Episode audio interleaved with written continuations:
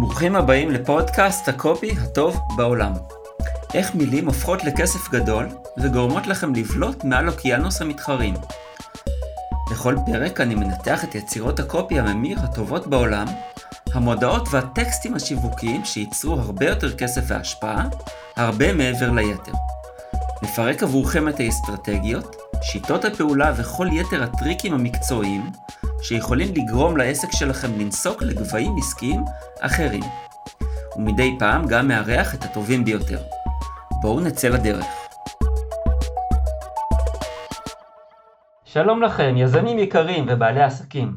לרגל יציאת פרק 24 לאוויר העולם, שמניינו כמספר שעות היממה, בחרתי לארח את אחד הקופירייטרים הכי טובים בעולם, שהקופירייטרים הטובים ביותר בדרך כלל ישימו אותו בראש הרשימה שלהם כמי שהם למדו ממנו, העתיקו ממנו ועשו משהו שקשור אליו באיזושהי צורה, הרבה בגלל היכולת הכתיבה המקורית, החכמה, הממזרית, האינטנסיביות הרגשית, הבנייה המאוד מאוד מתוחכמת של מכתבי המכירה שלו ודפי המכירה שכתב, ולעניות דעתי, בצדק מוחלט. קבלו את גרי הלברט בכפיים סוערות. אם באיזשהו שלב אתם מפסיקים את ההאזנה, מוזמנים לעבור לסגיר ולזכות בהפתעה עם ערך גבוה, למי שרוצה להצליח יותר בקופי עבור העסק שלו או עבור הלקוחות שלו.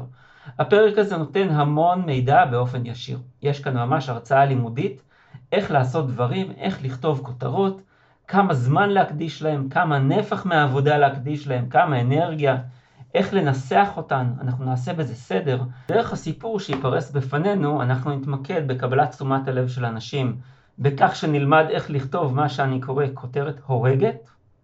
שתיים, נלמד שיטת כתיבה איתם, איתה עובדים, אה, הרבה מאוד, אפשר לעשות איתה הכל. שלוש, נראה איך עושים brainstorming, כותרות מעולה, כשכותרות זה הנקודה הכי רגישה שיש לנו אה, מהכל, שהיא נועדה, נועדה בעצם לתפוס את תשומת הלב. וארבע, טכניקת פסגת הפחד, על שם הסרט מ-1991, שמכינה לקריאה לפעולה, יוצרת סמכות ואמינות.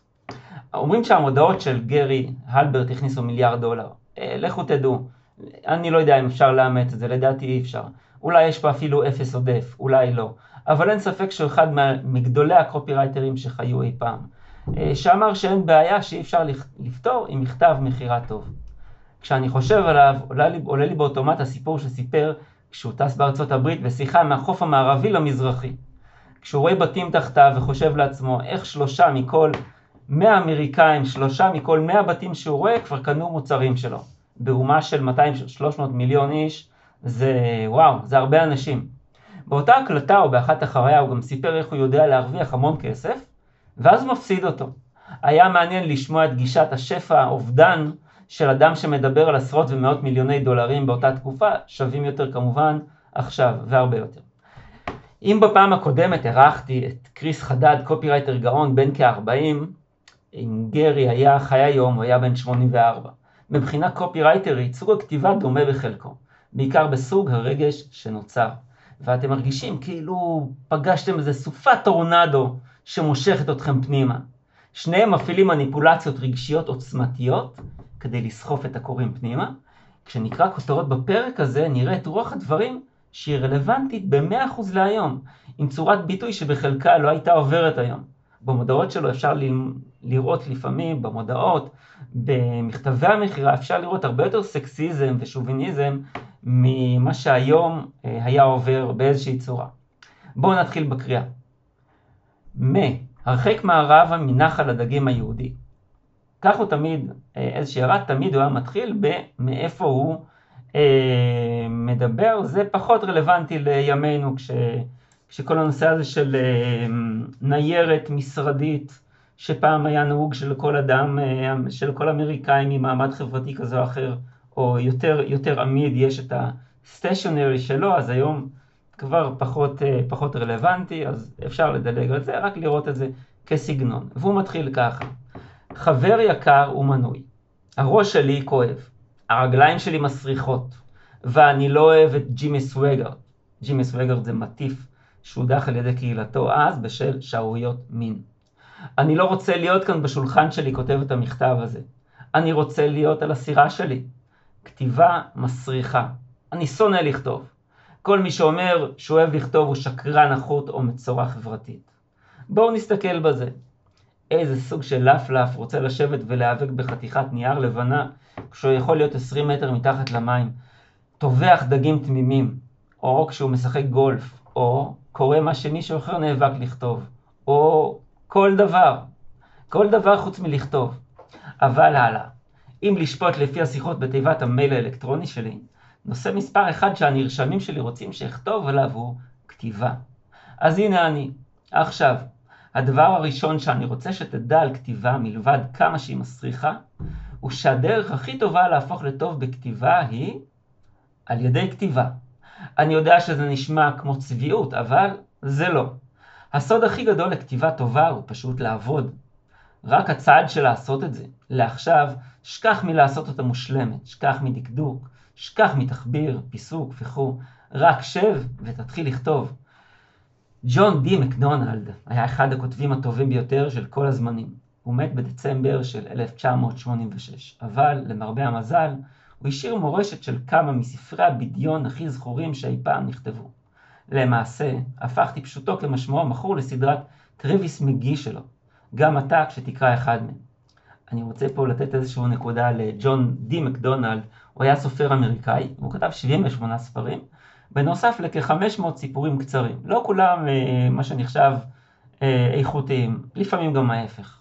הוא כתב בהרבה מאוד, אה, הרבה מאוד שמות, שמות עט, גם כי היו הוצאות לאור שהוציאו למעשה רק את ג'ון די מקדונלד, אבל רצו להראות גיוון בסופרים ש... שעובדים עבורן.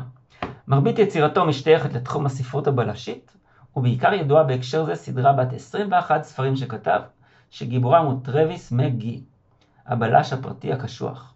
הוא כתב, כתב גם ספרי מתח ומדע בדיוני.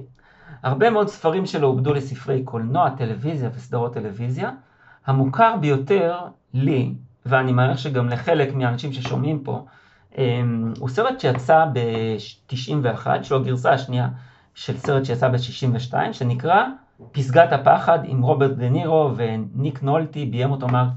מרטין סקורסזה, וחוץ מזה היו בו גם ג'סיקה לנג וג'וליאט לואיס. הוא ממשיך ואומר לנו, בכל מקרה, כשהוא התחיל בפעם הראשונה, הוא קרא איפשהו שכותב הרומנים הממוצע לא באמת פוגע במטרה, עד שהוא כותב בערך עשרה ספרים. וכך, מה עשה מקדונלד? זה מאוד פשוט. הוא כתב את המקבילה לעשרה רומנים בשנה אחת. פה אני רוצה לומר משהו על זה. בעצם מה הוא עושה לנו פה? הוא מכין להצהרה הבאה, תכף נראה מה ההצהרה הבאה, והוא מכין לנו, הוא מייצר לנו רגע של השראה. זה מה שקרה. הוא משתמש באיזושהי דמות היסטורית, במאורע, באינטנסיביות שנוצרה, בשביל אה, לשגר אותנו לפינת המוטיבציה הבאה. איזה כלי אנחנו לוקחים מכאן? כשרוצים להכניס לדף המכירה או למייל או לפוסט שלנו רגש לקראת נקודת הכרעה, מביאים סיפור, מביאים ציטוט, מביאים ציון אירוע מרגש, מביאים איזושהי דמות מוכרת, איזשהו אה, רקורד אה, עסקי או רקורד של עשייה או משהו שהוא אה, נתפס כחזק ומציבים אותו במקום, יוצרים בעזרתו את גל הרגש. אני באחד המיילים האחרונים לרשימה, כדי לרגש, סיפרתי את סיפור החלום בהקיץ שהיה לי ביחס לאיזשהו קמפיינר שעבדתי איתו והביא תוצאות מאכזבות. אגב, אני לא בטוח שאני ממליץ אה, אה, לקרוא את המייל הזה, הכותרת שלו היא הקמפיינר. אה, ובסוגריים, מה יש שם? אנטי, אנטי פרסומת, כי חייבים לכתוב פרסומת אה, בכותרת, אז איכשהו, משהו, צריך לעשות, משהו טוב צריך לעשות עם זה. קיבלתי מספר פניות בעקבות אותו מייל, אני מניח, מעריך ואפילו די סגור על זה, שזה גם בזכות זה. ומה אומר לנו עכשיו גרי? כתיבה הופכת קלה יותר. בכל מקרה, להתחיל לכתוב? לא. לכן, אם יש לך עבודת כתיבה לעשות, פשוט שב ותתחיל. אל תחכה להתארגן, אל תחכה לרעיון או השראה, אל תחכה שתרגיש ככה, אני אף פעם לא. ומהניסיון שלי, אם זה לא קורה לך, תייצר פרוצדורה שמאפשרת לך את זה. אני כבר 15 שנה ברציפות, קם כל בוקר, עושה מדיטציה ויוצא לרוץ. עכשיו, אין מה להשוות את יכולת הכתיבה עם, עם ריצת בוקר ובלי ריצת בוקר. מבחינתי זה, זה עולם מאוד מאוד שונה. אה, אתם יכולים לשער שכמות השיפור שזה הכניס לחיים במשך 15 שנה היא כמובן אה, משמעותית. לגביי, שאני בן אדם די אובססיבי באופן כללי, ואפילו מאוד אובססיבי בדברים מסוימים, אז אה, אני תמיד שוקל איך אני... האובססיביות זה דבר שנראה, אי אפשר לפקשש אותו. השאלה היא תמיד, לאן אתה מכוון אותו? לשמחתי, אני יודע לכוון אותו לכתיבה ועבור הלקוחות, לכן זה אחד הדברים הטובים, וכמו כל אחד מאיתנו, לוקח את התכונות ועושה איתנו את הטוב ביותר. ממשיך איתנו, איתנו גרי. רק תתחיל. אוקיי, מספיק עם זה. עכשיו, זה קורה בכל מקרה, אבל בואו נגיד את זה בכל מקרה. סוג הכתיבה שבה אנחנו עוסקים כאן, היא הסוג שמשכנע אנשים לקנות משהו. וזה סוג הכתיבה הכי קשה מכולם, וזה גם הכי רווחי. אתה יודע, באופן שגרתי אני מקבל יותר מלכתוב מכתב בודד מאשר רוב הסופרים מכתיבת ספר שלם. או לפעמים עשרה ספרים שלמים. אז בוא נהיה ספציפיים. כדי למכור משהו למישהו, אתה צריך לעשות ארבעה דברים. אחד, אתה צריך לתפוס את תשומת הלב שלהם. שתיים, אתה צריך לתפוס את העניין שלהם. שלוש, אתה צריך לעורר את התשוקה שלהם. נשמע מלוכלך, לא? וארבע, אתה צריך לתת להם מוטיבציה לפעולה. זה כפי שרבים מכם יודעים, נקרא נוסחת איידה. ואז הוא מראה פה טבלה, שבה החלק הראשון נקרא A, attention, תשומת לב. החלק השני נקרא I, interest, עניין. החלק השלישי נקרא desire, תשוקה, D. והחלק הרביעי, A, action, פעולה. היום אנחנו הולכים להתמקד בלקבל את תשומת הלב של אנשים, בכך שנלמד איך לכתוב מה שאני קורא כותרת, כותרות הורגות. הקשב לי. אם אתה רוצה לתפוס את תשומת הלב של מישהו בקהל, מה הדרך הכי טובה לכך? זה באמת די בסיסי, ווטסון היקר. מה שאתה צריך לעשות הוא לקרוא בשמו. ואם אתה רוצה שמישהו ינאץ למכתבי המכירה שלך, חבר אותו עם איזושהי תלבושת שאפשר להדפיס עליה, או דפוס לייזר, או אחרת תשתמש במעבד התמלילים שלך, ושים את שם הקורא בכותרת מודפסת בראש מכתב המכירה שאתה שולח אליו. ככה. בן סוארז מנסה להתאבד אחרי שהבין שהוא לעולם לא יהיה יפה, כמו גרי הלברט. אה, הערה בן סוארז, זה כותב שזה איש עסקים, שגם קופירייטר, היה קופירייטר, אני לא יודע מה מצבו בחיים, כן או לא, מאוד מאוד מוצלח, עשה אה, מבחינה כלכלית, עשה הצלחות מאוד גדולות. אה, הוא אחד האנשים שגרי הלברט המליץ לבן שלו כשהוא הכשיר אותו בכתיבה, והוא כתב את זה בספר המוכר שלו, The Boron Letters, הוא הציע לו אה, להעתיק כמה מכתבי כתיבה, אה, מכתבי מכירה בכתב ידו. אחד מהם היה אה, מכתב מכירה של בן סוארז, שעוסק באסטרולוגיה. אה, אני שוקל יום אחד להביא אותו בפרק. הוא... האמת שמה ש... שאני לא בטוח, אם לאנשים פה ידבר הנושא של אסטרולוגיה. יש אנשים שזה עשוי להרחיק אותם, למרות שבסופו של דבר זה לא אסטרולוגיה, אנחנו מדברים פה על המכירה. אז טוב, לאט לאט אני משכנע את עצמי ויש מצב שזה בהחלט יקרה, אה, מכתב מכירה מעולה. גם להביא נושא שהוא סוג של אה, שונה, שהוא לא במיינסטרים, ולהביא אותו ולעשות איתו מכירה, יש לזה עוצמה גדולה, בטח בימינו. שזה מאוד שונה ממה שהיה לפני כ-40 שנה, היום בימים שבהם העידן החדש וכו' הרבה יותר מקובל, הרבה יותר מקובל לעשות מדיטציה, יוגה ועדיין אה, אורוסקופים ואסטרולוגיה, יש חלק גדול מאוכלוסייה שזה נראה לו סוג של משהו אה, לגמרי מחוץ לטווח. אוקיי, נמשיך. ביל בונר נכשל בניסיונו לזכור את נסיך הדפוס ומפסיד מיליון. או פרנק קיווד מקבל טונות כסף בדיבור עם מכתב קונספט שפותח בידי משוגע מקליפורניה. או ג'ימי קלאנו משנה את הצוואה שלו ומשאיר את כל המיליונים שלו לגורו גרי. או אליסיה אוונס מביעה תדהמה כאשר היא רואה את שמה בניוזלטר שנכתב בידי חנון מטורלל מאוהיו. וכך הלאה. מה שתיארתי עכשיו היא הדרך האולטימטיבית לתפוס תשומת לב במכתב מכירה. אף אחד אפילו לא מישהו מפוצץ כמו פיני גריפיס, לא ייכשל בלהשתפר בלראות את שמו או שמה בדפוס, במיוחד אם זה לא צפוי. כמובן, אנחנו לא יכולים תמיד להשתמש בשמות הפרוספקטים שלנו בכותרות שלנו, אז מה הם כמה רעיונות טובים אחרים? הנה שלושה מהחזקים ביותר. דבר ראשון, שים חדשות בכותרת. דבר שני, הבטח תועלת בכותרת. דבר שלישי, עשה את שני אלה שלמעלה באותה כותרת. הנה כמה מילים טובות להשתמש בכותרות. מכריזים, לבסוף, עכשיו, איך ל, הנה הם, 17 דרכים ל, האמנות של ה, הסוד של, עובדה מהממת בקשר ל, מדהים, חדש, וכך הלאה. הנה כותרת שמחברת גם ערך חדשותי וגם הבטחה לתועלות. סוף סוף, מדענים מגלים דרך חדשה להיראות צעיר ב-17 ימים בלבד. יש הרבה ללמוד מ-12 המילים שפה למעלה. סוף סוף, או, זה בטח מציע, מציע משהו שקרה, שחיכינו לו. לא כך, ממתק, ממש ממש ממתק. מדענים, יש, לא סתם מישהו, לא עוד סתם גברת שקית זבל שגרה ברחוב, לא איזה איש פרסום או קופירייטר, לא, לא, לא, לא, לא. אנחנו מדברים על בחירה, מטרה, משהו מפוקח, אנליטי לגמרי, ישר, קבוצת אנשים שנותנת תוקף לכותרת שלנו. מגלים, או-הו, נראה כמו, כמו, כמו קונוטציה של חיפוש מעבדות, ואולי פריצת דרך מדעית. דרך חדשה, הוסה הוסה, כולנו מחפשים דרכים חדשות באופן קבוע. אנחנו לא, דרכים חדשות לגדל שיער, לרזות, לעשות יותר כסף וכו'. להיראות צעיר. אה, מי מאיתנו מעל גיל 30 שלא היה מקדם בברכה את ההישגים של אותו יתרון אוניברסלי מדובר? רק ב-17 ימים. יותר תקפות כי זה כל כך ספציפי. קלוד הופקינס אמר את זה. הכללות נושרות מהקוראים שלך כמו מים מגבו של ברווז, או משהו כזה. בכל מקרה, הייחודיות של 17 ימים הופכת את הכותרת שלנו לכזו שיותר ניתן להאמין לה, מובנת יותר בקלות ואיכשהו יותר מעניינת ויותר ריאלית. כמה חשובות הכותרות? אני שמח ששאלת. יש אנשים שמבינים שאומרים שכותרת נחשבת ל-80% מהצלחת המודעה. לי בעצמי יש מודעות ששיניתי להן את הכותרת והגדלתי את המשיכה שלהן ב-475%. יש לי לקוחות שמשלמים לי 195 אלף דולר לשנה כדי לכתוב כותרות.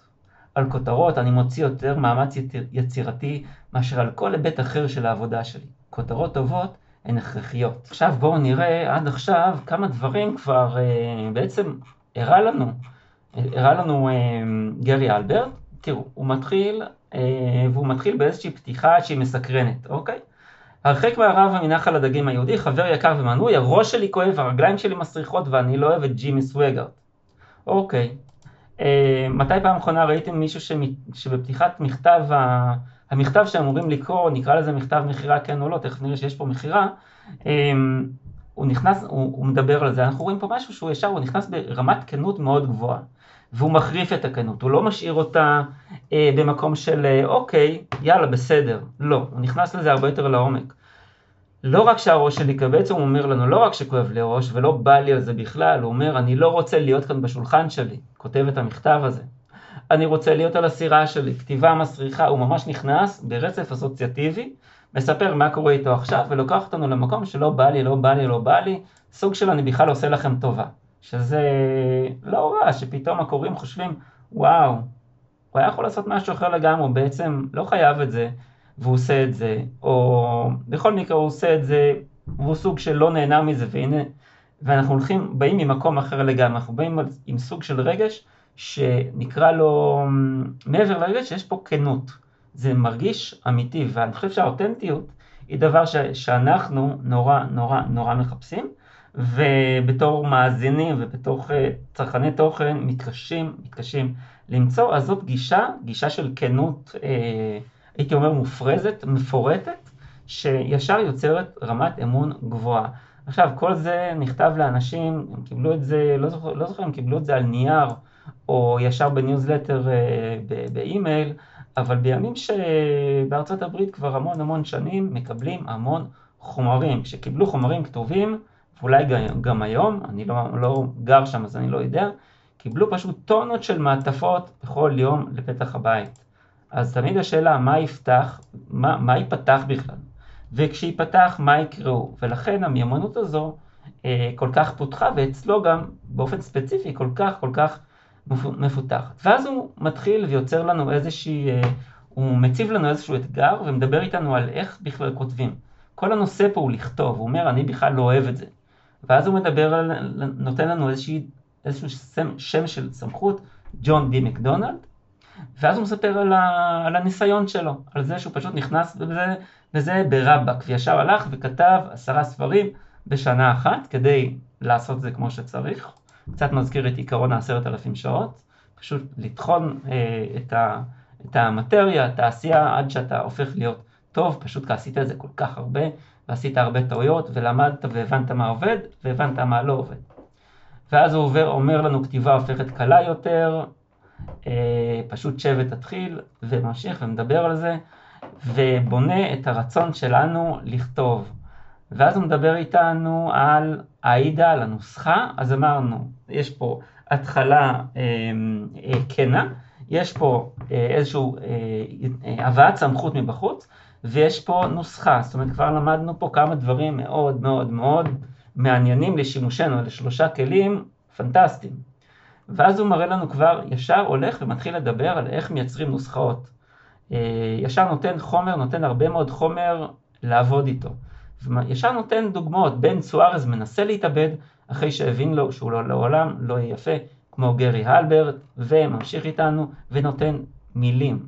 אה, כמה מילים, ואז משפט של, של 12 מילים, ומנתח אותו. ממש יורד כבר ל bits and bytes של, ה, של הכתיבה השיווקית. בואו נמשיך. כמה חשובות הכותרות?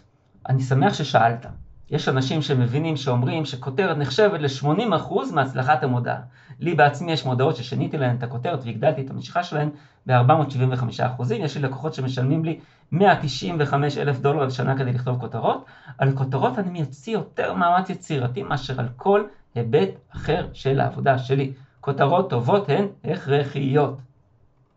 בואו ניקח נשימה כך שאוכל לשאול אותך שאלה. באיזה פרסום יש את הכותבים שמשלמים להם הכי הרבה? תשובה, ה-National Inquirer. כן, זה נכון. ומסיבה טובה. אתה רואה, הכותבים עבור ה-Inquirer הם בין הטובים ביותר על כדור הארץ, אני לא סרקסטי. הם באמת כאלה. אם אתה מטיל בכך ספק, הנה משהו בשבילך לשקול. יותר אנשים קוראים כל גיליון יחיד של ה-Inquirer מאשר קראו את התנ"ך מאז שהודפס. מאמרים של ה-Inquirer נכתבים בצורה עילאית. הם בהירים, מדויקים, תמציתיים, פריחים, והמאמרים שהכי קל להבין בכל פרסום. ובמה מצטיינים כותבי ה-Inquirer מעל הכל? ניחשת את זה. כותרות. הכותרות שלהם כל כך רבות עוצמה. יש להם כל כך הרבה כוח משיכה, שכל שבוע אנשים שנשבעו שהם לעולם לא יקנו שוב פרסום שכזה, כמעט מוכרחים לרכוש אותו למרות עצמם. אז בכל מקרה, אם הדרך הכי טובה להפוך לטוב בכתיבה היא על ידי כתיבה, מהי הדרך הכי טובה להפוך להיות הכי טוב בכתיבת כותרות? זה קל, על ידי כתיבת כותרות. הנה מה שאתה עושה. כל שבוע אתה לוקח עותקים של ה-National Enquirer, Star, Globe, Weekly, World News וכך הלאה. ועל בסיס חודשי, אתה לוקח עותקים של Readers Digest, Cosmopolitan וכל מגזין אחר שאתה מוציא שיש לו הרבה כותרות טובות. ואתה לוקח לעצמך אספקה גדולה של כרטיסי אינדקס בגודל 8 על 13 סנטימטר, ואתה כותב את כל הכותרות הטובות האלה על הכרטיסים אחת על כותרת. דרך אגב, מקור מעולה לכותרות טובות או אחד מהדוחות להתייחסות המצורפים עם קלטות הסמינר שלי הוא נקרא 349 כותרות מעולות. 152 מילים תופסות תשומת לב. מודעות דוגמה, מכתבי דוגמה. זהו באמת אוסף אומנות של כותרות ותחמושת אחרת שצריכה להיות חלק מהספרייה של כל קופירייטר. להרבה מכם, אולי רוב, יש את קלטות הסמינר וכל החומרים הקשורים, ולאלה מכם שאין להם, צריכים. טלפנו והזמינו מיד עכשיו. 323-851-8275 וכל הידע בעל הערך שאין לתאר זה יהיה בדרכו אליך תוך שעות. סלח לי, נאומי מכירות הם בעצמות שלי, ואני פשוט לא יכול להימנע מהם לפעמים, במיוחד כשיש לי אמונה חזקה במוצר. אני רוצה פה רגע לדבר על, על מקורות. הוא מדבר פה על מקורות אמריקאים נכונים לזמנו, אני לא בדקתי כמה נכונים לכרגע. לנו מאוד מאוד קל למצוא מקורות. אה, הולכים ל-ynet, הולכים לוואלה, הולכים ל... להארץ, אה, הולכים לעוד מקומות אה, ככל שבא לכם, ולוקחים את הכותרות ורואים כמה הדברים האלה נוסחתיים. אני אתן לכם דוגמה. תראו בכמה כותרות יש באמצע, אה, או ממש אחרי איזה מילה או שתיים, יש נקודתיים. עכשיו, זה דבר שאנחנו, כאנשים שלא כותבים, מי שלא כותב תוכן שיווקי, בחיים לא ישים נקודתיים אחרי מילה או שתיים. פשוט אין סיבה.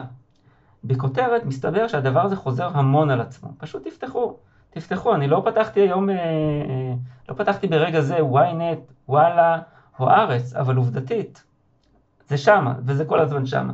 זה סוג של חלק של נוסחה. מאוד קל לראות, לפרק, לקחת את ה... זה פשוט דבר שאני מאוד ממליץ לעשות. עשיתי את זה הרבה מאוד. אה, אני בדרך כלל, כשאני רואה איזה כותרת מעניינת, אני פשוט מעתיק אותה, שתהיה לשימושי, אחרי זה אני לא מסתכל בזה אף פעם, כי אני מאוד אוהב להמציא אותם אה, ככה מהראש. לא משנה שהראש הזה בכל מקרה עובד עם אותם כותרות, כי הוא כבר קרא את אלה ועיבד אותם מספיק פעמים, אבל בכל מקרה. אני אוסף אותם, אה, סוג של, אה, אה, אמרתי אני שאני אובססיבי, אני גם קצת אגרן כותרות. בואו נמשיך.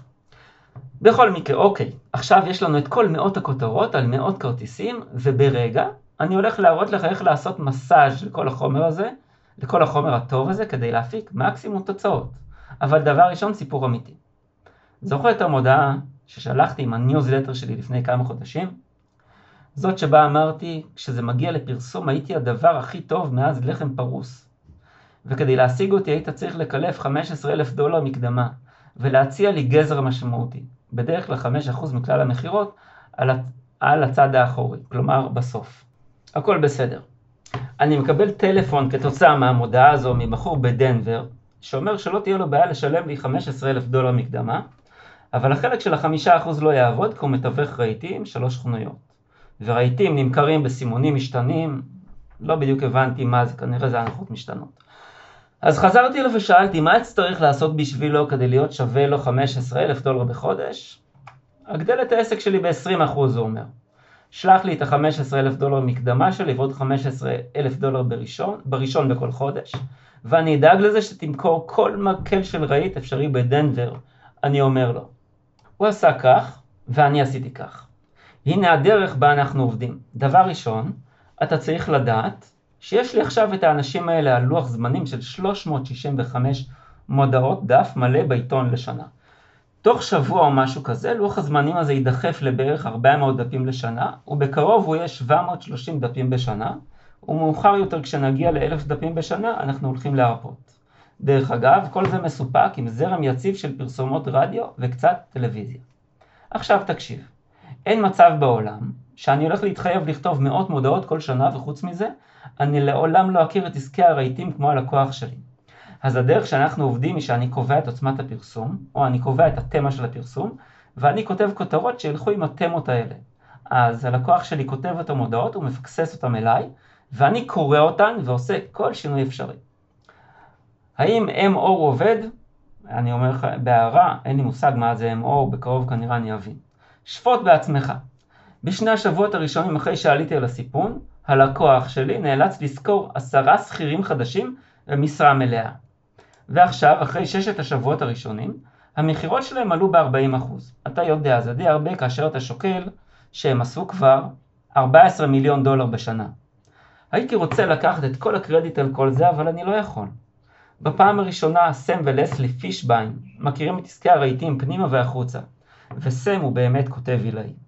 דרך אגב, כל זה נראה שעובד כל כך טוב, אני חושב שאנחנו הולכים לעשות סינדיקציה לפרסום שלנו, בכך שנעשה התמחות קולקטיבית זמינה לעוד דילר אחד של רהיטים בכל אזור מטרו ברחבי ארצות הברית. בחזרה למכרות המלח. אוקיי, אז מיד עכשיו אני חייב לסם ול... וללסלי כמה תמות, קונספטים וכותרות. ואני הולך ליצור אותם ממש כאן לפני העיניים שלכם. מה שאני הולך לעשות דבר ראשון, הוא אני הולך לשחרר את המוח שלי על ידי קריאה של כמה כותרות קוקו שנכתבו על ידי סם והצוות שלו. אני לא עושה את זה רק בשביל הצחוקים, לא. אני עושה את זה כדי לשים את המוח שלי בהילוך ולראות אם אני יכול לתפוס ניצוץ. הנה כמה כותרות שאני מחפש. עכשיו נעשה פה רגע פרשנות. מעבר לתענוג של לקרוא מכתב של גרי אלברט, הגאון הזה, מקבלים כאן שיטה. קחו בחשבון שהשיטה הזו יצרה לו הכנסות מאוד מאוד מאוד גדולות, היא מוכחת. מה שנקרא לראות ולקחת ולהשתמש. הוא נותן לנו פרוצדורה, לקרוא כמה כותרות שכתב בעל העסק. עכשיו, לרוב כשאנחנו פוגשים בעל עסק, קודם כל, אם יש לכם עסק ואתם הולכים להיעזר בקופירייטר, רוב הסיכויים, לא כל הסיכויים, אבל רוב הסיכויים, שאתם לא כותבים מעולה. או שאתם לא אוהבים את זה בכלל, וגם אם אתם אוהבים, רוב הסיכויים שאתם לא הולכים להשקיע בזה כל כך הרבה זמן עד שתהיו ממש ממש חדים וטובים בזה, אה, עד כדי שזה ממש יקפיץ לכם את ההכנסות. מה לעשות? כל אחד אה, עושה את הדברים שהוא אה, בוחר והולך לעשות את זה בצורה הכי טובה, וצריך לעשות את בחירות הזמן שלו בהתאמה. אפשר ורצוי להשתמש בשיטות, בשיטות אחרות, הטובות שבהן, לאסוף מידע והרבה ממנו מכל מקום שאפשר. הכי קל זה באינטרנט, אבל הכי טוב זה, גם, זה לא הכי קל. בדרך כלל הם לא מסתדרים אחד עם השני. הכי טוב זה בשיחות אישיות עם לקוחות שלכם. עם העסק שלכם, אה, לקוחות בעסק, ועם לקוחות של הלקוחות שלכם, אם אתם קופירייטרים. בכל מקרה, רק עם לקוחות שקנו. עכשיו, אה, לקוחות שקנו, אני אומר לכם, אה, מהרבה מאוד ניסיון בתחום הזה, עם הרבה עסקים שדיברתי עם הלקוחות שלהם, לעולם אל תדברו עם לקוחות שלא קנו. הם לא יכולים לתת לכם שום פרופיל של לקוח שהוא מעניין אתכם, כי הם לא רלוונטיים, הם לא מעניינים. אם נלך ונאסוף את כל ההתנגדויות, נוכל לכתוב על זה, אבל זה לא ייתן לנו את הטעם האמיתי של מה שלקוח חושב ומרגיש על העסק. זה פשוט לא יקרה כי אין לו את זה. הוא לא שלף את כרטיס האשראי ושילם, ושילם, הוא לא עשה את השיקול הזה, הוא לא חווה את השינוי האנרגטי הזה שמי אני מתעניין לאני קונה. זה משהו נורא נורא נורא נורא שונה. עכשיו, זה לא סוד גדול, בגלל זה אני אומר את זה, זה סוד ענק, זה סוד מפלצתי בגודלו. הוא מאפשר ללמוד את הרצונות והצרכים של מי שבסוף רכש. וכמו שאמרתי, אין קשר למי שלא רכש, זה פשוט כמו ההבדל בין אה, תהום לבין שלולית, רק שהתהום הזאת נראית כמו שלולית, כי אנחנו לא נוטים לייחס לה את החשיבות שבאמת יש לה. עכשיו, אלה שיחות עומק. והמטרות שלכם עם אותם לקוחות שרכשו, וזה לא רק לקוחות שרכשו, זה לקוחות מסוימים מאוד שרכשו, אה, אה, שיש להם עוד הגדרות מסוימות, למשל שהם רכשו במקסימום העלות, הם רכשו בסכומים הכי גבוהים, והמטרות שלהם הם קודם כל להכניס אתכם לרוח הדברים, להרגיש את האנשים, את הלקוחות, להבין מה מניע אותם, מה המוטיבציה, גם אם העסק שלכם, אתם לעולם לא חושבים כמו הלקוח, אין דבר כזה. אתם יכולים קצת לחשוב כמו הלקוח וגם הרבה, אבל תמיד בשיחה עם לקוח תגלו פנים אחרים, או פנים, איך שאומרים את זה, של אה, רצונות, שאיפות, מחשבות, אה, פחדים, חששות, מטבעות לשון, שאין לכם אותם. ואם הלקוח שלי, לדוגמה, היא החברה הגדולה בישראל לאחסנת חפצים, עם 14 סניפים בארץ וכל רגע יותר, הם פשוט מפוצצים סניפים, אה, אני חושב שהם מרימים כל שנה כמה. אני אדבר לא רק עם אלה שקנו, אלא עם אלה שקנו כמה שיותר מוצרים לאורך זמן. הם לא רק צריכים, הם גם נחשפו לצומת ההחלטה, האם לקנות או שלא, וקנו. עכשיו, מה זו צומת ההחלטה הזו? צומת ההחלטה הוא מתי הרגש שלי, הקונה, אני הקונה, מנצח את השכל שלי שעסוק בשיקולים. הרגש הרי לא שוקל, הוא יודע, הוא הרבה יותר מהיר. אם נסתכל על ידע אזוטרי קדום, הוא מהיר פי 30 אלף. הוא עושה תהליכים שאנחנו בכלל לא מודעים אליהם. הוא פשוט שוקל דברים שונים, ועושה את ההחלטות שלו, ובום, כרטיס האשראי אה, אה, נשלף, קנינו, ואחרי זה אנחנו עסוקים בלספר, איך אומר את זה, איך אומר את זה מרק טוויין? אה, יש שתי סיבות שאתה קונה. אחת היא זו שקנית, והשנייה, שאתה מספר לאשתך. מרק טוויין. נמשיך. מלך היום המודרני, תות, מרהט את חצרו הביזארית של היכל הקבורה שלו עם הרהיטים היפים של קייסי. אני רוצה רק את הטוב ביותר, הוא מסביר, כי אתה יכול לקחת את זה איתך. ועוד, לנשים בהיריון יש פרה, כשהיא רואה את האור שלה ספה בשביל פחות אצל קייסי. אישה בעלת שני ראשים קונה בקייסי ומקבלת הצלפת שוט כפולה כאשר היא מחפשת בעסקאות. מדענים מגלים שאלוויס חי, חברים קרובים מאשרים תוכנית המלך לעיצוב מחדש של גרייסלנד עם רייסי, רהיטי קייסי היפים. Siamese twins come unglued doing double take at קייסי blockbuster sale. תאומים סיאמים הופכים לבלתי מודבקים כאשר הם הופכים ניסיון במכירת העונה של קייסי. פגז תותח אנושי נורא הרחק על ידי חיתוך המחיר וקייסי והמראת המבחר. עכשיו אני רוצה לעבור למשהו שלמדנו מקריס חדד בפרק הקודם, מספר 23, על כותרות. אה, אני רוצה כי, כי יש פה התייחסות לכותרות ובואו נעמיק בזה, אנחנו כבר חמים על זה, אז בואו בוא נראה פה איזושהי השלמה מעניינת של 40 שנה אחרי, אה, כביכול למעשה זה די המשך של אותו קו. אין פה איזה, הפער פה, אין פה פער, זה זווית אחרת להסתכל על, ה, על, ה, על כותרות ועל הצעות. וכך אומר לנו מר חדד כריסטופר. הרבה אנשים כשהם כותבים קופי הם מתחילים עם הבטחה ממש חלשה. אני תמיד אומר ששיווק הוא אמנות נתינת ההבטחה והקיום שלה, אבל זה אומר שאתה צריך להבטיח הבטחה, סוג של גדולה, מהחיים בהתחלה. רוב המשווקים מתחילים עם באמת הבטחות חלשות. קח את הקורס שלי ואולי אתה תרוויח קצת כסף בשלב מסוים בעתיד. זה לא ממש מדבר לאנשים. אם אתה רוצה לתת הבטחה, שכח מהמוצר שלך לעכשיו, תשכח מהחוק הפדרלי לעכשיו, תחשוב עליו אחר כך. מה ההבטחה שהיית עושה לשוק שלך? אם היה לך שרביט קסמים ולא היו חוקים וללא גבולות, והיית יכול ללכת על משהו לגמרי מטורף בהתחלה, תהיה יצירתי. אף אחד לא יראה את זה חוץ מאשר, חוץ ממך לפחות בהתחלה. אבל זה ייתן לך הזדמנות באמת לעבור את ה top וללכת רחוק מדי עם ההבטחה שלך. אחרי שזה כבר על הנייר, קח את זה בחזרה למשהו שאתה יכול ממש לגבות ולמלא, ושלא יגרום לך להיעצר או ללכת לגיהנום השיווק. הבטחות מפורטות, הבטחות טובות, הן מפורטות וספציפיות. עכשיו שימו לב כמה זה דומה למה שגרי אלברט אמר, גם כן, מפורט. זוכרים, הוא דיבר על המספר 17. זה מה שנקרא מפורט וספציפי. אתה שם מספר, ברגע ששמת אה, מספר בכותרת, עשית לעצמך לרוב שירות, אה, שירות טוב, אם לא שירות מצוין. ואני אוסיף על זה שאחד החוקים שאני בודק כאשר אני כותב כותרת למייל, לדף מכירה, לכל דבר, זה לא ממש משנה למה, האם אני יכול להכניס מספר שישדרג את ערך הכותרת? לעיתים קרובות אפשר. והוא ממשיך, קריס חדד ממשיך. לדוגמה, תצמצם את חשבון החשמל שלך ב-70% ותחוץ, ותרוץ החוצה כמו כלבלב שמח שחברת החשמל תשלח לך צ'ק. לעומת, תחסוך כסף על חשמל. אתה רוצה לצייר תמונה שלך ב mind של הלקוח. הנה כמה דוגמאות מכמה מהדברים שלנו של copywriting, עם הבטחות עם ביצים. החברה לשעבר שלך תזחל על זכוכיות שבורות כדי להשיג אותך חזרה, לסלוח לך על הכל, למשוך ולהוריד את המכנסיים שלך כמו נמרה שצדה סטייק porterhouse. או בנישת הירידה במשקל. תראי את הקילוגרמים נמסים מהגוף שלך. תזרקי הרחק את הבגדים השמנים שלך לנצח. ותחליקי בחזרה לתוך הג'ינס האהוב עלייך מהמכללה. רק על ידי ביצוע כמה תרגילים פשוטים ואכילת סופגניות.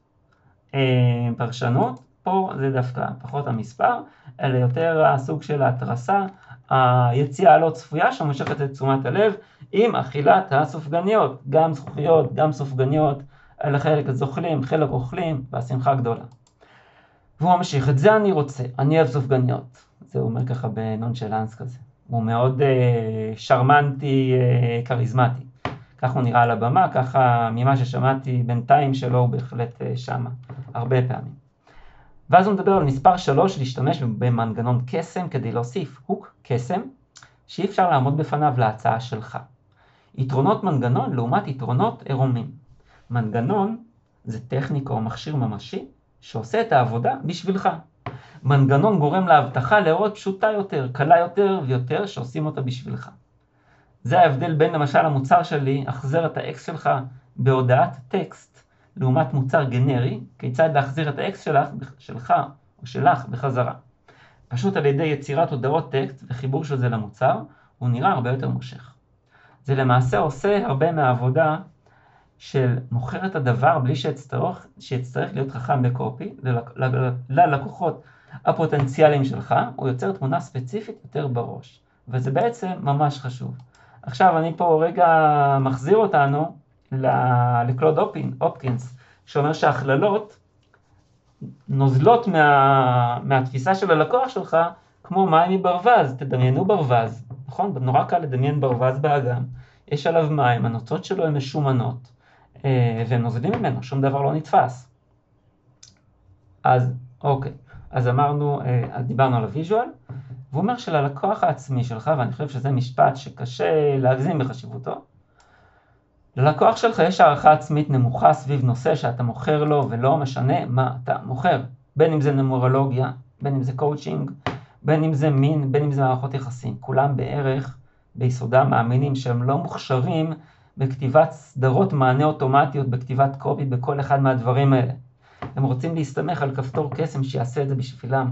כמו שאני אומר, שאני לא רוצה ללמוד לדוג, אני רק רוצה אין סוף אספקת דגים בחינם. עכשיו אני רגע רוצה להעביר אותנו לשיחה שהייתה לי עם אה, מנטור ישראלי, אה, בהחלט אחד הידועים, המפורסמים והוותיקים, בן אדם שמצליח ברמה עולמית, מאוד מצליח, אה, משרת חברות מהגדולות בעולם, בלי, בלי לנקוב בשם, בשמות המדויקים. ובשם המדויק ובשמות המדויקים, זה משיחה שהייתה לנו אתמול, מה שנקרא שיחה טרנס-אטלנטית. תמיד רציתי להגיד שיחה טרנס-אטלנטית, אז הנה סוף סוף, זהו, פרקתי את זה, יש לי שיחה טרנס-אטלנטית. אז אותה שיחה טרנס-אטלנטית, להזכירכם, הוא אמר לי משהו מאוד מעניין. הוא מכר ללקוחות שלו מוצר, מוצר אה, לא זול, בסכומים ניכרים. ואחד הדברים שהוא נתן שם, הייתה סדרת מיילים, איזושהי סדרה סדרה מסוימת שעושה משהו. עכשיו, כל החבילה עצמה היא לא שם, זה לא העסק, זה לא התחום שלה, זה ממש, זה איזשהו בונוס צידי שבצידיים.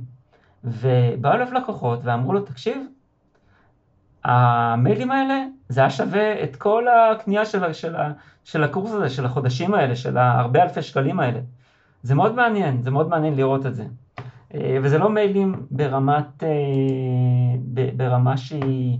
מאוד גבוהה, זה מיילים, ההפך, זה מיילים בסיסיים, זה מיילים שנותנים דבר בסיסי. זה ממש מתכתב פה עם מה שאומר קריס חדד, הלקוחות רוצים דברים שהם מפחדים מהם, הם מבועטים מהם, הם מרגישים מאוד חסרי ביטחון בהם, מספיק לתת משהו שלנו, שאנחנו טובים בו, שאנחנו יכולים לתת, ועשינו משהו נהדר. ממשיך איתנו כריסטופר, זו הסיבה שספרים כמו ספרי לאידיוטים, for dummies, כל כך מצליחים. אנשים חושבים שלא, שהם לא מספיק חכמים לעשות את העבודה או מחפשים מישהו שידריך אותם ויעשה את זה. אם אתה יכול לצרף לזה מנגנון, זה הרבה יותר טוב. דוגמאות, תכניס את אשתך למיטה לעומת שלח הודעת טקסט שתכניס את אשתך למיטה. תעשה עליות בטן לעומת מכונה רוטטת לעיצוב קוביות בבטן, שנראית, שראית בטלוויזיה. הוספת כלים ודברים שנעשו בשבילך, המוצר שלך, בשבילך ועבור המוסר שלך מניסיוני, תמיד מגדילה את ההמרה, ואנשים לא רוצים לעשות את העבודה. ובואו נמשיך עם uh, גרי, וכך הלאה, אומר לנו גרי. החומר הזה ביזארי אפילו בסטנדרטים שלי, אבל הוא אכן עובד כדי לגרום למיצים לגרוש, לא כך. עכשיו בואו נזכור כמה כותרות אקטואליות בהן כבר השתמשנו. הנה כמה. אזהרה, אל תזכור אף מעצב פנים עד שתשמע את זה. דילר רהיטי מקומי ייתן בחינם מעל מיליון דולר הנחות על כל המצאי שלו. זה עד סוף השבוע של 4 ביולי, בגלל שדחפורים קוראים את הרחובות שלו. מחירים נמוכים באופן קיצוני מחנויות רהיטים מקומיות עשויים להיחשב לא הוגנים למתחרים. והשלישי, צריך רהיטים חדשים. חמש שיטות מדוע אתה צריך לא לקנות בחנות שמוזכרת כאן למטה. עכשיו פינת הפרשנות, תמצאו תחומים שלמים בהם אף אחד לא פונה למיסמצ'רים. מה זה מיסמצ'ר? זה שמונע מזה שאסור לעשות משהו בלתי אפשרי. תסתכלו מסביבכם או תסתכלו בעצמכם על עצמכם, מה קורה כשבן הזוג או בת הזוג רוצים מכם לעשות משהו. האם אתם אה, באופן אוטומטי בעד או באופן אוטומטי נגד? או בעבודה, או עם הילדים, או עם ההורים, או עם החברים, זה בכלל לא משנה. מה התגובה האוטומטית? זה לימוד נורא גדול על עצמנו. גרי אלברט, איש חכם, ישר פונה לחלק נורא גדול מהאנושות, שזה קורה לו, או שזה בכלל קורה לכולם, אבל בכל מקרה חלק מאוד גדול הוא דומיננטי, והדבר הזה, כשאומרים לו לא לקנות בחנות שמוזכרת כאן למטה, הוא פשוט ילך ויעשה את זה. זה ו, וזה משהו ממש לקחת וליישם במיידי, כי למה לא? אמ, בואו נמשיך. והוא אומר לנו, האם אתה עושה את הטעויות האלה כאשר אתה קונה רהיטים? מי עוד רוצה לקנות חדר מלא ברהיטים בלי לבצע תשלומים במשך לפחות שישה חודשים? ועכשיו עוד אחד. איש עסקים מקומי נשבע תחת שבועה שהוא לא גנב אף אחד מהרהיטים שהוא מוכר כל כך בזול. וזה אומר לנו אה, פרשננו לענייני קופי של, הקופ, של הכתובים בעולם, זה קופי מאוד מוכר אצל גרי אלברט, הוא עשה את זה מספר פעמים, העניין הזה עם אה, איש, אה, אדם נשבע תחת שבועה, swear, swear under oath, איך אה, מתרגמים את זה אחרת מאשר נשבע תחת שבועה, זו שאלה טובה. עכשיו כשבאדם אמריקאי אה, אומרים לו את זה, ישר הוא רואה את הדמות בבית המשפט, יד על ספר, אני, אני נשבע בלה בלה בלה בלה בלה, מהסרטים שהוא ראה. האם זה יכול לעבוד גם בישראל? יש כבר מי שכתב את זה, אני קצת מסופק, אולי זה יכול לעבוד, אני לא יודע מה היו הנתונים של מי שכתב את זה. אה, סך הכל רוב הישראלים מעולם לא היו בבית משפט, בתוך בית משפט, אה, וגם כן ניזונים מסרטים וסדרות אמריקאים, לכן זה אולי יכול לעבוד. אה, סבבה לגמרי. ממשיך איתנו גרי. האם אתה רוצה ללכת עד שלושה בתים הלאה ברחוב כדי לחסוך עד 50% על כל הרהיטים שאתה צריך? וכך הלאה. אוקיי, כפי שהבטחתי לפני כמה עמודים, אני הולך עכשיו לגלות את הדרך הפשוטה לעשות את כל המידע הזה כדי להעלות רעיונות חדשים. דהיינו, אני הולך לזכור את מה שכבר נעשה. אחרי כן אני הולך לאוסף הפרטי האישי שלי של כרטיסי כותרות, ואוסף אותם ומגפף אותם. אני מתרגש. הוא מסתכל בהם וחושב עליהם ומעיף אותם על הרצפה כמו חפיסת קלפים, ואני מהרהר, ואני נזכר. אני נזכר שמישהו פעם אמר, האם הייתה זו יד הצדק הנלמד? שחופש הדיבור לא נותן לך את הזכות לצרוח אש, בתיאטרון הומי אדם. אני זוכר שהכותרת שלי צריכה לא רק לתפוס תשומת לב, היא צריכה גם להיות אמיתית ורלוונטית. אני זוכר שלרהיטים היפים של קייסי יש באמת בעיה עם הרחוב סביב החנות שלהם, שנקרא לחתיכות. אני זוכר שיש להם באמת חנות ענקית, פאולט ואני קונים תכולת בית שלמה מהם, במחיר נמוך באופן קיצוני. אני זוכר, היי, hey, יש לי את זה, בדוק את זה. הסוד המדהים של סוחר הרהיטים המקומי שנותן את כל הדוגמאות האלה בחינם. רואה? מה שיש לסם ולזלי אלה כמה שולחנות קפה באמת פשוטים, שהם יצרו כזו עסקה, שהם יכולים לתת אותם לכל הקונים החדשים, והסוד המדהים שלהם הוא שהם גילו שעל ידי הצעה של פרימיום חינם, הם יכולים לעורר אותך לבוא פנימה ולקנות. ואז לתת מחירי רצפה, לשמור אותך שמח, אתה תהיה לקוח נאמן לתמיד, ולמתחרים אין סיכוי. וכרגיל, כשסם פישביין עושה את העבודה המבריקה הרגילה שלו, של הברקה של הרעיון הזה, יהיה לנו, אני מאמין, עוד מנצח. ועכשיו, כשסיימתי את הניוזלטר לחודש הזה, לחודש הזה, ופיתחתי עוד תמה וכותרת לפישביינים, אני מבקש ממך. זה לא הייתה דרך נהדרת להרוג שתי ציפורים באבן אחת? סליחה, סליחה, סליחה. הוא אומר, זה לא הייתה דרך נחמדה להרוג שתי ציפורים באבן אחת? אמן. בכנות, גרי הלברט, נ"ב. רק לקחתי את עבודת השיווק של מכירה של אלבום, שמכיל את הקונצרט הכי מוקדם של אלוויס פרסלי שהוקלט מעולם. חכה עד שתראה את המודעה הזאת. נ"ב ב', שיט, אני מעולה. סבבה, זאת הייתה, זה היה המכתב, ואמרנו בהתחלה שנגלה היום ארבעה דברים, בואו נעבור, אה, נראה אם אנחנו מסמנים וי. דבר ראשון אמרנו שנלך ונתמקד בלקבל את תשומת הלב של אנשים, בכך שנלמד איך לכתוב מה שאני קורא כותרת הורגת. זה בהחלט עברנו על זה, ראינו כמה כותרות הורגות, ראינו כותרות שהורגות, אה, וממשיכות לדקור, לדקור ולדקור עד שבאמת אה, לא נשאר כל כך הרבה וחוזרות חזרה ואז מגלות איך לעשות את זה הכי טוב. שתיים, נלמד שיטת כתיבה, איתה עובדים. דיברנו על איידה, attention, interest, D זה מה שזה D ו-action, call to action, אה, D זה ה-desire ו-action. נראה כמה היא אפקטיבית ומאפשרת לעשות כל מה שרוצים, אפשר לסמן V, למדנו. אחרי זה brainstorming כותרות מעולה, הוא לימד פה את שיטת הכרטיסיות, בהחלט שיטה נפלאה. אה, הרבה פעמים תכננתי לעשות אותה, מעולם לא עשיתי אותה. אז היא נראית לי שיטה נפלאה, אך לא מניסיוני. ארבע, הטכניקה שאני קראתי לה טכניקת פסקת הפחד, על שם הסרט הזה של סקורסז, הסרט אה, באמת מפחיד, אה, בתור אדם שלא נוהג לראות סרטי אימה בכלל. על שם הסרט מ-1991, שמכינה לקריאה לפעולה, יוצרת סמכות ואמינות. זה היה פרק 24, אתם מוזמנים להקשיב לסגיר ולזכות בהפתעה שבו. באמת סגיר מעניין, אני בהחלט ממליץ. שיהיה, אה, שיהיו ימים טובים, שיהיה המשך אה, יום, לילה, איפה שאתם נמצאים, שיהיה טוב, ותפיקו מזה הרבה, תצליחו בכתיבה, ותקשיבו טוב לסגר. ועכשיו סוף סוף מתחילים ליישם ולצמוח. מקווה שרשמתם לעצמכם דבר אחד לפחות שלקחתם כדי לשפר את תוצאות השיווק בעסק שלכם. השלב הבא הוא לבחור במי שיכתוב לכם אותו. ועכשיו יש לכם כאן הזדמנות לשים את היד על שלושה פרקי פודקאסט שמפרקים לאסטרטגיות וצעדים מעשיים, עבודות מה top של קופירייטרים שמכרו במיליארד דולר או יותר, כולל כל ההסברים בעברית ובכתב. איך מקבלים את כל זה בחינם? כל מה שעליכם לעשות הוא לדרג את הפודקאסט בחמישה כוכבים ולשלוח את צילום המסך למייל במשרד contact at yesmarketing.co.il contact at yeshmarketing.co.il המייל נמצא גם בתיאור הפודקאסט.